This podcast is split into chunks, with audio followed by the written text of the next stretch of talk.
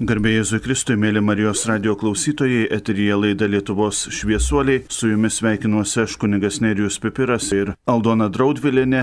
Šiandieną mes kalbėsime apie, sakyčiau taip, paprastą mergaitę, paprastą moterį Adėlę Dirsytę, kuriai Kauno arkiviskupijoje pradėta betifikacijos byla ir kuo ji buvo tas šviesulys. Atrodytų, kai mes mastome apie šventuosius, apie istorinės asmenybės, mums susidaro įspūdis, kad tie žmonės būtų kažkur iš dangaus nukritę, ne iš mūsų šeimų kilę, ne iš mūsų visuomenės kilę, nepaprasti, pasižymėję herojiškais darbais ir stebuklais. Tuo tarpu Adėlė Dirsytė buvo tas žmogus, kuris spinduliavo šventumo paprastoje kasdienybėje, kasdienybėje, kuria ypatingai daug jėgų ir ištvermės pareikalavo liūdijant Kristų, liūdijant viltį, Taigi pirmiausia ir kalbėsime apie tuos Adėlės Drisytės gyvenimo momentus, kada labai ryštingai reikėjo liūdyti Kristų, reikėjo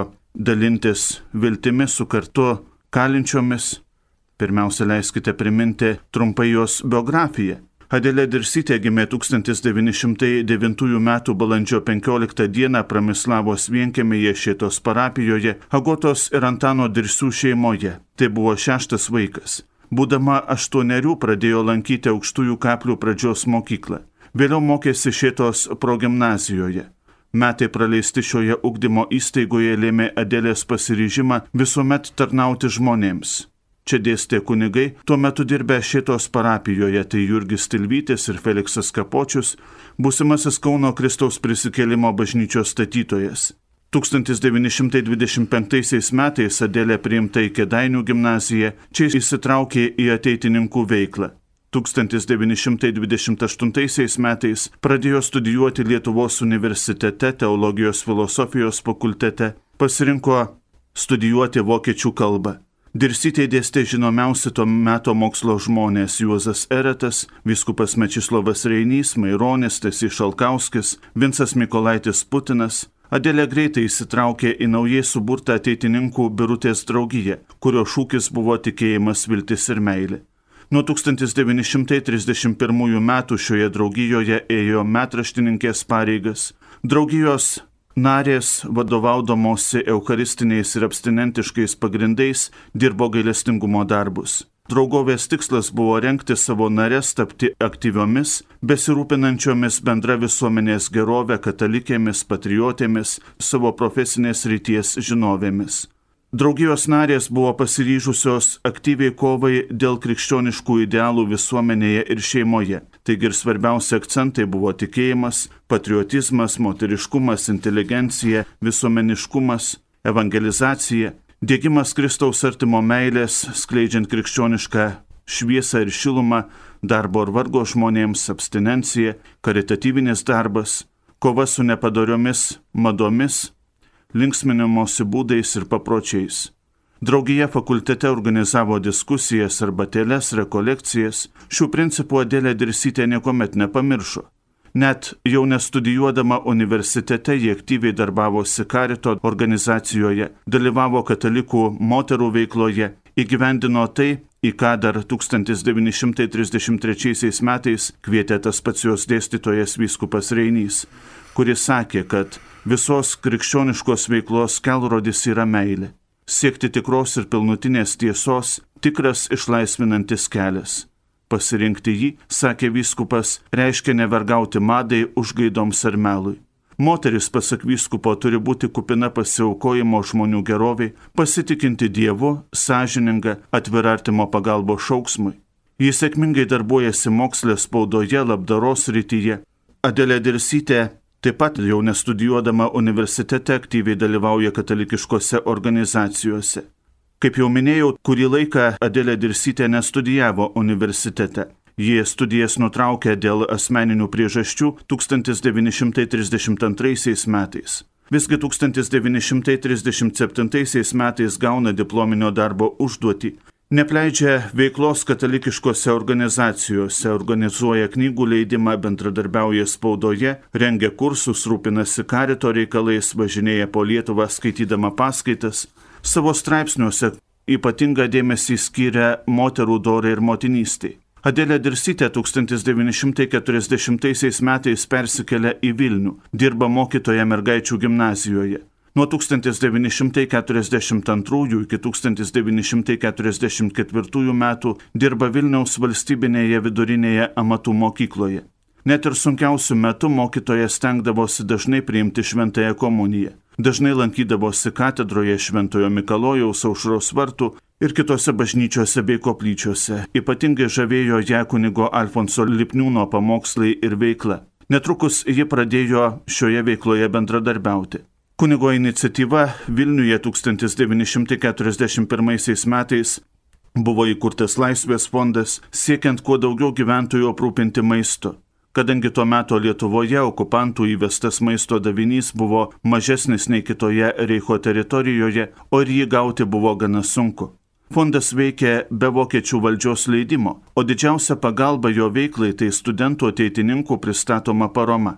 Žinoma, pagrindinis lėšų šaltinis buvo sekmadieninės rinkliavos Šventų Jonų bažnyčioje. Daugelis to meto studentų žinojo, kur yra jų kapeliono kunigo Lipniūno būtas, žinojo, kad ten galima pasiskolinti knygų, vyksta diskusijos etiniais, estetiniais, visuomeniniais ar net politiniais klausimais. Tai pogrindžio sąlygomis Vilniuje veikia ateitininkai. Darbas vykdavo mažose penkių, dešimties žmonių grupelėse, kuriuose tarp kita ko buvo formuojamas ir kitoks supratimas apie to meto Lietuvos padėtį.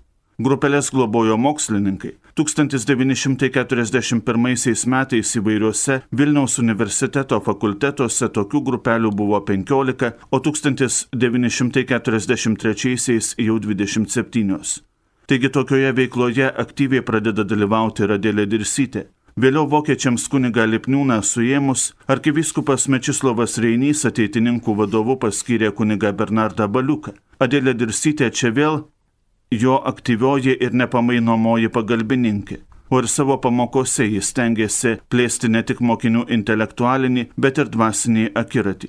1944 metais Adelė pradėjo dirbti kunigaikštinės birutės mokykloje, kuri atėjus sovietiniai valdžiai pervadinta į Salomijos nėries vidurinę mokyklą.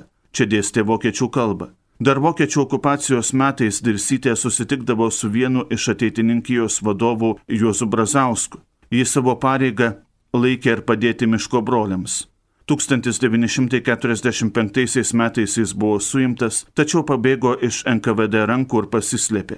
Jis lankėsi tame bute, kuriame gyveno ir Adelė Dirsytė. Tai žinoma sukėlė grėsmę pačiai Dirsytė. Netrukus 1946 m. kovo 6 naktį Adelė areštuojama, nuteisiama už tėvinės išdavimą ir antikomunistinę veiklą. Taigi tokia trumpa Adelės biografija, Adelės metai ir dienos prabėgusios Lietuvoje. Dabar norėtųsi paklausti studijos viešnios, kuri su Adelė Dirsytė susitiko e, jau kalinimo metais. Jeigu Adelė Dirsytė buvo nuteista už antitarybinę veiklą, tai kuogi jūs nusikaltote santvarkai? Mano kaltė buvo pati didžiausia tėvynės meilė. Tardytojas manęs paklausė, ar žinai, už ką tu pasodinta. Sakau, žinau. Už kągi? Už tai, kad myliu savo tėvynę. Kurią? Sakau, Lietuvą. O Tarybų sąjunga? Sakiau, ne. Jisai nusišypsojo ir buvo labai patenkintas, kad byla baigta. O tai tardė jis jau pusę metų mane tardė. Duodavo visokiausių klausimų, kuriuos aš labai sunkiai išspręsdavau. Vienu dalyku labai bijojau, kad ką nors neišduočiau.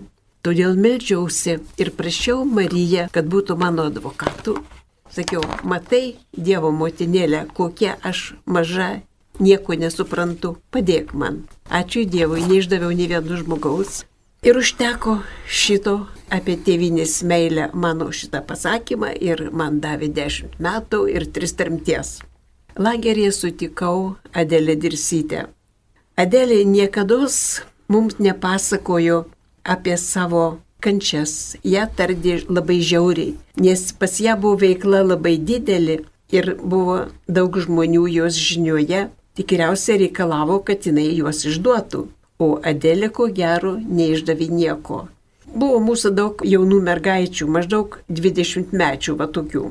Dirsytė, mes visus atkreipim dėmesį ją, jinai jau buvo mokytoja ir į visus mūsų klausimus ji galėjo atsakyti. O kodėl mes čia, žodžiu, tokios jaunos, jinai sakė taip, mūsų broliai, miško broliai, jie aukoja savo gyvybę, o mes kaip kareiviai, mūsų vargai čia ir kančius nėra beprasmiai. Todėl mes aukokim viešpačiui kiekvieną dieną, aukokim savo darbus, aukokim tai, kad mes be tėvų, be tėvynės viską sudėkim į viešpaties rankas ir tikrai bus lengviau. Ir tikra teisybė. Tikra teisybė. Mes taip darėm, ką Adėlė mums liepė. O kada Mus... pirmą kartą jūs ją pamatėt? Aš ją pamačiau tik lagerį. Tik tai lagerį.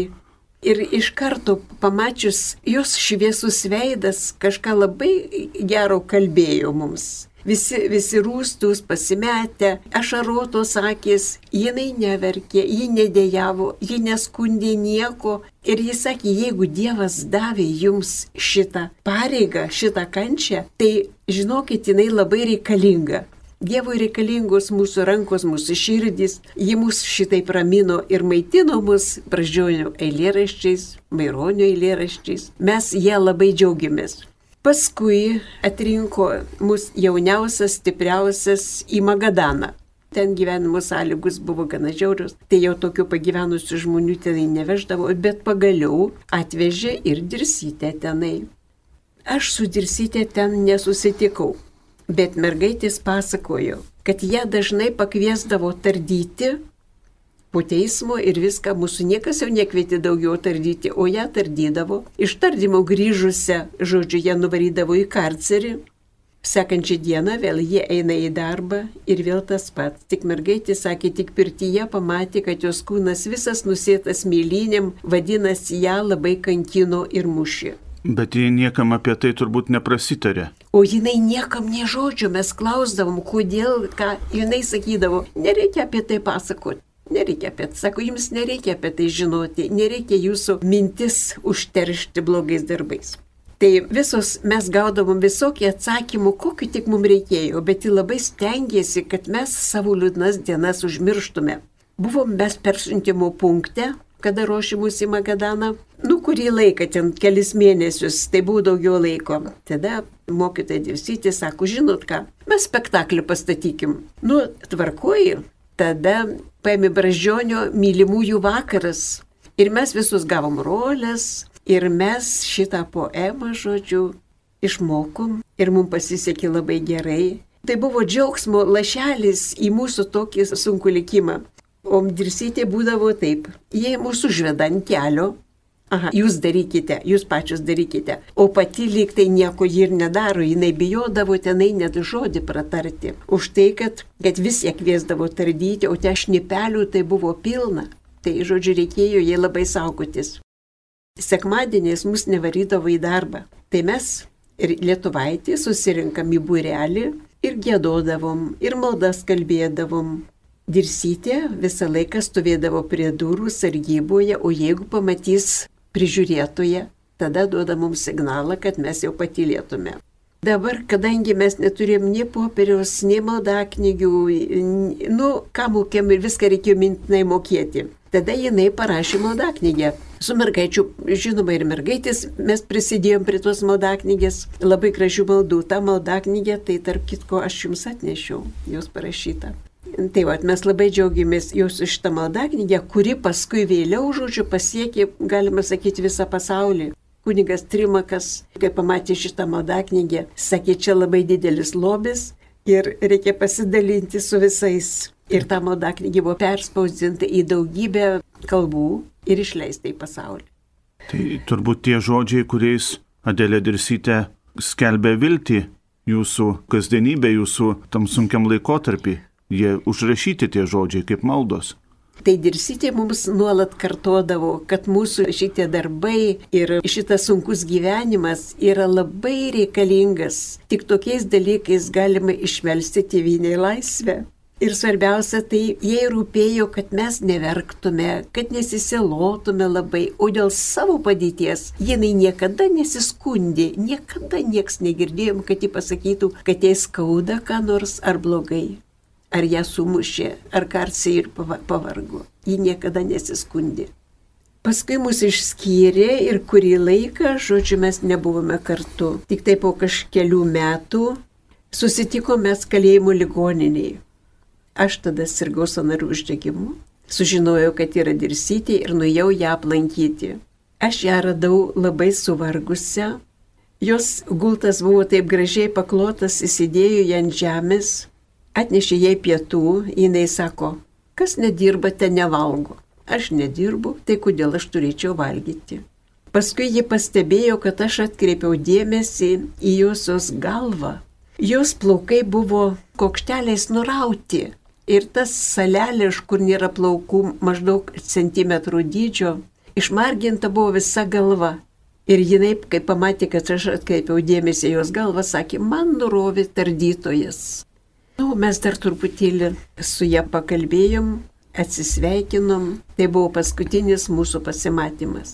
Buvo turbūt apie 1955 metų rudenį. Turbūt taip, turbūt taip. Aš nelabai datos atsimenu dabar, turbūt taip, maždaug taip. O kur dingo ji paskui, mes nieko nežinojom. Kur jos kapas negalėjom surasti. Surado tik tai jos mirties datą. O kur ji palaidota, taip mes ir nežinom iki šiol. Nu, gal Dievas duos ir gal kartais išaiškės kas nors. Be abejo, juk Dievui nėra negalimų dalykų o, ir kartu visi šventieji, kankiniai, jie darbuojasi kartu su mumis, kai mes stengiamės, kai mes ieškom ir tikrai reikia turėti viltį, kad Adėlės dirsytės palaikai kada nors bus surasti arba bent jau laidojimo vieta. Ir šiaip ar taip, kad ir kuri bebūtų palaidota, šiandien yra ir mūsų kaip ir vilties šauksmas, kad mes nepasiduotumėm, kad mes visuomet turėtumėm viltį, kad mes visuomet eitumėm pirmin. Jūs turbūt ne vienerius metus praleidote įkalinimo įstaigose, lageriuose. Galbūt galėtumėt pasidalinti, kokia to lagerio kasdienybė, lagerių kasdienybė. Kaip prasidėdavo, baigdavosi diena, ką darydavot.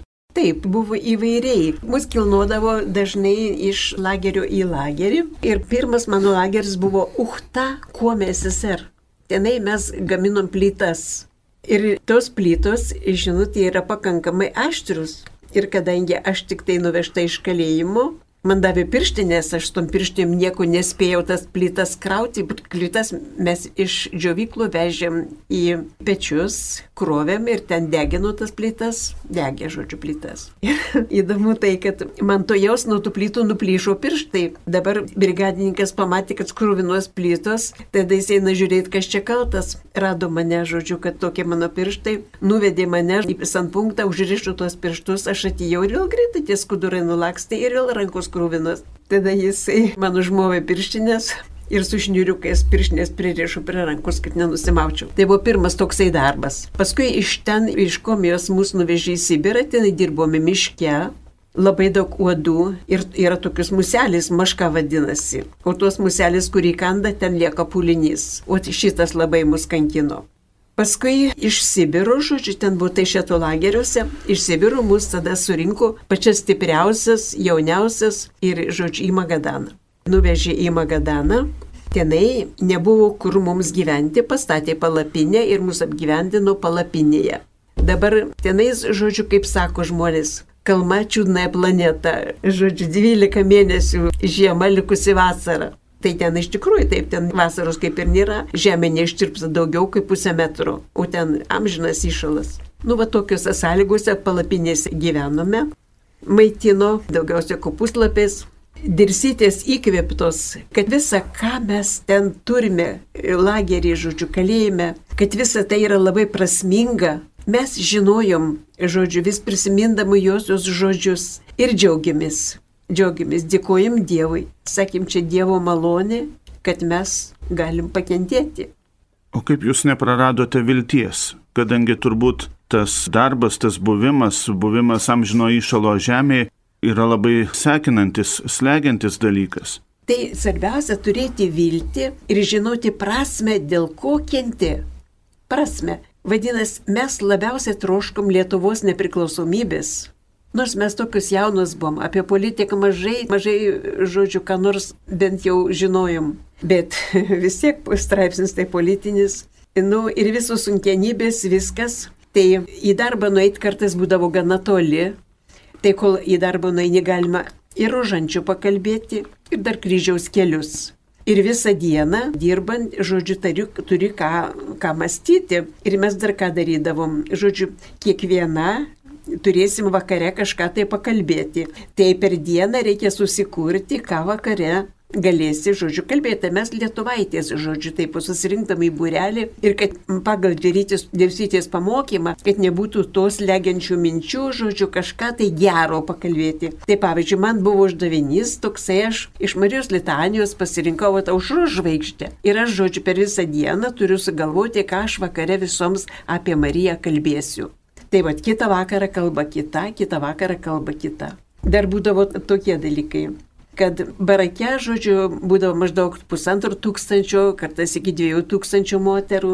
Dabar, kada sugrįžtam, visos sušalę, šlapios, nėra kur išsidžiovinti, darbužiai šlapi ir tie vėtiniai, žodžiu, šlapi, o kurianasi tik tai geležinis pečiukas vidury. Jeigu juos virš to pečiuko padžiauna, pakabina, tai tik tai ištirpsta ledas į vandenį ir jie rytą vėl pasimi šlapius ir štai šlapiais, žodžiu, vėl, žodžiu, dirbi visą dieną. Tai nušaldavo mūsų kojos, mano kojos buvo nušalę, visi pirštai nušalę, bet nereikėjo amputuoti, išgyjo. Vieną kartą galvoju, kas čia man laiko už plaukų, prie sienos prišalo plaukai. Sakau, mergaitės, paleiskit, nelaikykit, galvoju, laiko kažkas tai išdykauja, nieko panašaus. Žiūriu, kad le, le, ledas, nu, kaip nuo sienų varva vanduo, paskui šaltis paspaudžia truputį, sušala viskas, va taip prišala ir plaukais visą galvą. Tai va ir tokių atvejų būdavo. O šiaip tai paskui pasistatėme pačius, nešimant pečių medžius iš miško, nes nebuvo nei traktoriaus, nei arklių nieko. Tai va jeigu medis yra 6 metrų ilgio, plonam gale 20 cm, tai storiam jau, storam jau pusę metro. Ir trys mergaitės ateinam prie medžio, užsidedam tą medį ant pečių ir nešam ir kilometrą ir daugiau. Mes taip prisinešim medžių ir tada statėm baraką paduoda kirvi, paduoda pjūklą ir tu moki ar nemoki, turi dirbti. Ir mes, mes šitaip, mes mergaitės, žodžiu, pastatėm, pastatėm ir pastatą, žodžiu, ir įrengėm tą pastatą ir paskui iš palapinės jau persikėlėm gyventi į baraką. Tai bet jau buvo, žodžiu, truputėlį buvo šilčiau. Ir, ir truputėlį patogiau. Tai va buvo, buvo tokių visokių dalykų. Dabar, kadangi aš turėjau e, e, medicinos sesers išsilavinimą, mane paskyrė į sanpunktą. Paskyrė mane į sanpunktą, aš nuėjau virtuvę pažiūrėti, kokie tenai reikalai. Žiūriu, ten yra tiek tarakonų, kad sienų spalvos nesimato. Aš galvoju, ką daryti. Reikia kažką daryti. O felčeris buvo laisvas, jis nekalinys ir aš jam pasakiau, kad, žodžiu, koks reikalas, kad jis ką nors atvežtų, žodžiu, dezinfekcijai. Padarėm tenai, žodžiu. Atvežė peretrumo, Viską išnešėm iš virtuvės ir supylėm peretrumą ant pečiaus, uždegėm, viskas, žodžiu, visi tarakonai dingo. Bent jau tarakonų nebuvo. O šiaip tai būdavo sriuboje vakare visada randi kokius 3-4 tarakonus kaip spirgų. Tėva, dingo tarakonai. Paskui dar buvo vienas toksai tai reikalas. Šalia į sekančią į gretimą zoną atvežė 50 vyrų nurašytų nuo gyvenimo. Juos visus turi paleisti namo, kadangi jau jie, žodžiu, visai jų dienų suskaitytos, pakol surož dokumentus, tai jie turi tenai būti. Lagerio viršininkas nuvedė mane tenai ir sakė, nu va, tau reikės tuos vyrus žiūrėti, kad jie išliktų gyvi, kad galėtų namo sugrįžti. Tai žinot, kaip sako, tokiai vietoj taip pat gali, jeigu tik nori, gali daryti ir gerus darbus. Vienas jaunas toks vaikitas su skrandžio opa negalėjo valgyti kopūstų, nes jam labai skaudėdavo. Greta buvo inkubatorius, perino viščiukus, Ir kaip pusė perėjimo jau galima pažiūrėti, viščiukas yra ar nėra viščiuko, tai tuos, kur viščiuko nėra, tuos kiaušinius liepia išmesti. Mes su ta, kurie tie, tuos viščiukus e, perino, pažiūrėjom, kad tie kiaušiniai visai nesugėdė. Dvi savaitės jie buvo šildomi, bet nieko jiem neatsitiko. Tada mes tam vaikinui, žodžiu, skrandžio opa, neždavom po vieną kiaušinį kasdien. Jinai atneždavo, žodžiu, į baraką tą kiaušinį vakare, o aš rytą neždavau jau, kadangi turiu galimybę eiti į tą zoną, kur vyrų. Ir mes šitą žmogelį išgelbėjom. Ir išėjęs jisai iš lagerio, padarėm operaciją ir buvo jisai visiškai sveikas. Tada jisai sugalvojo, kad reikia padėkoti. Atėjo, aš tada, kai guliau ligonė, atėjo, atėjo aplankyti ir sako, gal reikia jums žodžiu, vaistų. Nusakau, reikėtų, reikėtų vitaminų, B grupės, žodžiu, vitaminų. Jisai nuėjo į centrinę ligoninę pas vyrgydytoją ir sako, mums reikia tokių vaistų. Jis pradėjo rėkti ant jų, koliuoti juos tada. Tas jo jo draugas kažkoks ten buvo, kirkizas, žodžiu, labai didelis su didžiulė nosim. Išsitraukė jis iš rankovės ilgą peilį. Jis sakė, va čia spintelė yra tie vitaminai, jeigu neduosi, aš tave nusmeigsiu.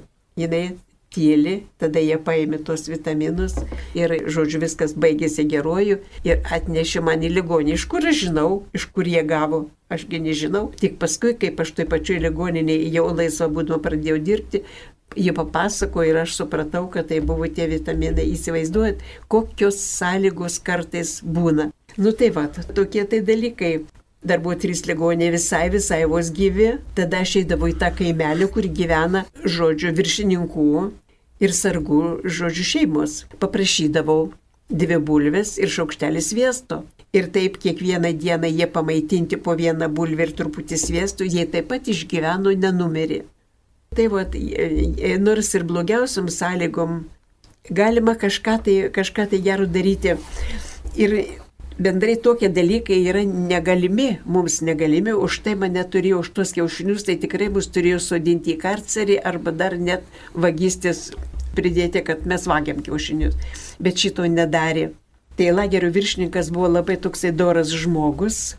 Jisai žinojo, žinojo, ką mes darom. Bet jisai, žodžiu, mūsų nebaudė. Tai vad, kur bebūtum, visur yra gerų žmonių. Aš visada prisimenu, žodžiu, tai buvo paskutinės dienos lageryje, paskui jau iš lagerio išleido ir tas pats viršininkas sako, gal neturi kur galvos priglausti, kol susirasi savo kur gyventi, aš galiu priimti. Jis turėjo šeimą, turėjo žmoną, turėjo vaikus. Tai va. Iš tikrųjų įdomus tas laikas, labai sudėtingas laikas, kada reikėjo tikrai ir ištverti, ir neprarasti vilties. Kaip manot, kuo Adėlė Dirsytė galėtų būti aktuali šiandien, kuo ji galėtų pagelbėti tiems, kurie galbūt šiandien jau kitokiam sąlygom praranda viltį arba neturi kuo išmaitinti savo šeimos arba išgyvena kokius nors kitokius iššūkius. Kuo jie galėtų būti aktuali, kuo jie galėtų užtarti, pagelbėti jau kaip mes tikim iš dangaus. Matot, pas mus yra karito organizacija, o per karitą galima daug, labai daug padaryti. Dabar atrodo taip, kad žmonėm apsirengti lyg ir turėtų ką. Dabar yra vargšų valgykla, kurioje gali maitintis, kas nieko neturi. Yra nakvynės namai. Taip pat priglaudžia žmonės. Dirsyti savo veiklą, žinoma, jinai parodytų, man atrodo, čia ir yra pradžia ta, ką jinai sukūrė dar prieš areštą. Man atrodo taip pati bendradarbiaudama šitose organizacijose, dalindama labdarą vargstantiems, bendraudama su jais turbūt taip. Taip. Tai mes išdirsytis, žodžiu, tiek daug gavom, kada ji buvo šalia, Tai prisimenam visą gyvenimą. Dabar iš mūsų buvusių ten sudirsite kartu ir kalėjime būsiu kartu, jau nieko neliko. Esu tik tai aš ir dar yra viena moteris, dar vyras yra. O kaip mes susirenkam kartais kalmos kaliniai, mes kartą susirenkam, mūsų organizacija yra susirenkam kartą per metus, tai kad mūsų jau nieko neliko. Yra tik mūsų dabar vaikai, anukai, tai ateina jie. Žodžiu, mūsų jau nieko nebeliko. Pasėtas grūdas, jisai išdyksta ir duoda vaisių.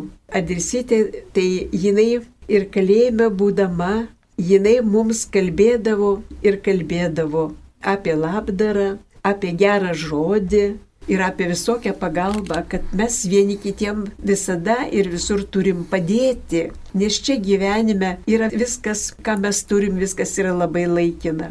Ir reikia visą laiką galvoti apie amžinybę. Ir tuo dėlė dirsytė, ko gero, yra kiekvieno iš mūsų užtarėja, kad mes nepamirštumėm, jog esam broliai ir seserys ir ne šiaip šio žemės, bet amžinybės vaikai. Taigi Noriu padėkoti šiandieną laidoje dalyvavusiai Aldonai Draudviliniai. Šiandien laidoje Lietuvos šviesuoliai mes kalbėjomės apie Dievo tarnaitę Adelę Dirsytę. Ačiū labai garbė Jėzui Kristui.